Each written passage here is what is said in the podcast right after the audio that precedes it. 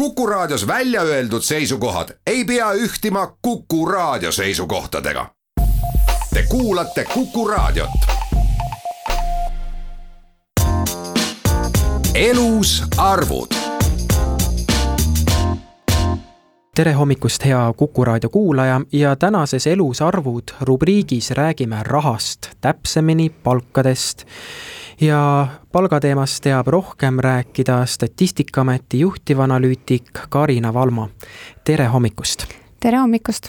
Hästi palju räägitakse igasugustest eh, keskmistest ja seda teeme ka meie täna hommikul, et äh, kui rääkida palkadest, et siis keskmine brutopalk oli eelmisel aastal, kui väga täpselt öelda, tuhat nelisada nelikümmend kaheksa eurot äh, kindlasti mõned inimesed võivad imestada, et kuidas nii palju, võib-olla mõni teine imestab, et kuidas see nii väike on. mida see keskmine siis õigupoolest meile ütleb? Äh, just nimelt äh, see number on selline, kus väga paljudel inimestel tekitab see küsimust, et, et, et mina ei tea küll ühtegi inimest, kes äh, sama palju palka saaks, nagu meie avaldame. aga tegelikult Statistikaamet avaldabki keskmist äh, brutokuupalka. Äh, mainiksin kohe ära, et brutokuupalk on siis äh, töölepingus kokku lepitud tasu, millest lähevad maksud maha. see number ei näita seda, kui palju nii-öelda keskmine inimene palka saab, vaid, vaid pigem sellist keskmist üldist Eesti taset piltlikult öeldes äh, äh, me teame, kui palju Eestis äh, palkadeks raha makstakse ja me teame, kui palju on Eestis töötajaid.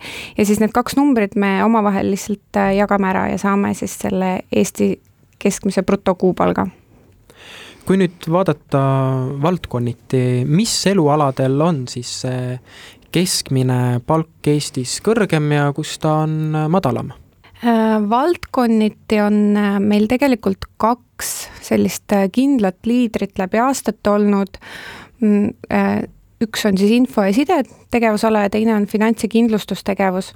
et nendes valdkondades palgad on üle kahe tuhande euro ja nüüd viimasel aastal oli info ja side tegevusalal üle kahe poole tuhande euro keskmine brutokuupalk. Äh, kõige madalamate palkade äh, juures äh, saab välja tuua näiteks muude teenindavate tegevuste tegevusala, mis on pikka aega olnud kõige madalamate palkadega. et see on selline tegevusala, mis hõlmab erinevaid tegevusi, näiteks kodutarvete remont või erinevad organisatsioonide tegevused ja sealhulgas ka iluteenindus. aga, aga nüüd viimase kahe aasta jooksul, kus on toimunud palju muutusi, siis äh, näiteks eelmisel aastal oli kõige madalamale langenud palkade poolest majutuse ja toitlustuse tegevusala, kus palgad äh, siis võrdlusmomendina võib välja tuua, et alla üheksasaja euro.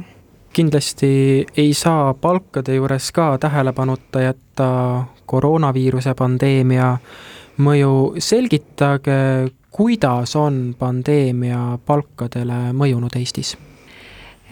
Äh, kokkuvõtlikult võib öelda, et äh, koroona äh, mõju on olnud see, et on äh, palgakasv on pidurdunud, pidurdunud üsna tugevalt, kui nüüd viimast viite aastat enne eriolukorda siis vaadata, on palgakasv aasta lõikes olnud viie ja seitsme protsendi vahel ja nüüd viimane aasta on see protsent langenud alla kolme protsendi kui nüüd läheme välismaale, võrdleme Eestit äh, Euroopaga näiteks, kus me, kus me seal paikneme ja kellel on see keskmine palk äh, kõrgem ja kus on ta Eestist ikkagi tükk maad äh, madalam?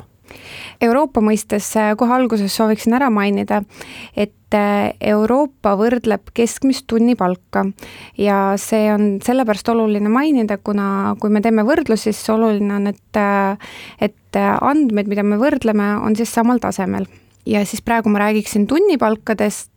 Äh, Eesti asub äh, nüüd, kui me kõik Euroopa liikmesriigid jagame kolmeks osaks, siis äh, Eesti on seal kolmandas, viimases osas, aga üks esimestest. mis Eestis see keskmine tunnipalk on, et me teame küll seda keskmist palka, aga kui palju see tunnipalk Eestis keskmiselt on? Äh, keskmine tunnipalk, mis on Euroopas arvutatud, on kümme koma üks eurot aga nüüd see, mida me avaldame Eestis, on natuke madalam, kaheksa euro juures ja seda seetõttu, et Euroopa arvutab veidi teistmoodi palkasid, ta võtab arvesse ainult suuremad ettevõtted ja ei võta kõiki valdkondi, et, et alati statistikat vaadates ongi oluline välja uurida, et, et mis seal taga on, mis need algandmed on, et, et me saaksime võrrelda aga kui, kui jah, kui Euroopa keskmine tunnipalk on kakskümmend üks eurot umbes, Eestis on kümme, siis noh, positiivsena võib välja tuua, et et me oleme liidrid Balti riikides tunnipalkade poolest, aga nüüd, kui me vaatame esikohti Euroopas, Taani, Norra, Luksemburg, seal on umbes nelikümmend eurot on tunnipalk. aga kes seal tagaotsas on? tagaotsas on tegelikult ongi üks meie naaberriik Läti ja Bulgaaria ja Ungari. palju seal tunnipalk on? Bulgaarias on äh, viis eurot umbes, ehk siis kaks korda vähem, Ungaris ja Lätis on veidi kõrgem, seal seitsme euro kanti palga teemal on üks äh, palju arutelu tekitanud äh, teema ka sooline palgalõhe. kui nüüd võrrelda muu Euroopaga, siis Eestit, et kus Eesti paikneb soolise palgalõhe poolest? soolise palgalõhe poolest on äh, Eesti olnud esimesel kohal väga pikalt ja, ja ka täna on seda siiski ma sooksin, sooviksin positiivse noodina välja tuua, et palgalõhe on Eestis vähenemas, äh, kui me võrdleme nüüd äh, ütleme, viimast seitse aastat, äh, siis lausa seitse protsenti on palgalõhe vähenenud, aga kuna ka teised Euroopa riigid teadvustavad palgalõhet oma riikides, siis on väga palju erinevaid meetodeid olnud või, või projekte, mis mis on suunatud palgalõhe vähendamisele, et äh, nagu ka Eestis, ka teistes riikides ja seetõttu me oleme ikkagi sinna esikohale püsima jäänud. aga soolise palgalõhe poolest siis äh, positiivsena võib äh, välja tuua seda, et ta järk-järgult äh, Eestis siis ikkagi hakkab langema? jah, see trend on küll selline, et, et palgalõhe on vähenemas Äh, mis tähendab seda, et äh, tegelikult kui nüüd äh, viimastele andmetele peale vaadata, siis väheneb see just seetõttu, et naiste palgad on hakanud kiiremini tõusma kui meeste palgad, et see on väga positiivne. suur aitäh teile, Karina Valma, et leidsite täna hommikul aega selgitada raadiokuulajale palkade teemat. suur tänu teile! elus arvud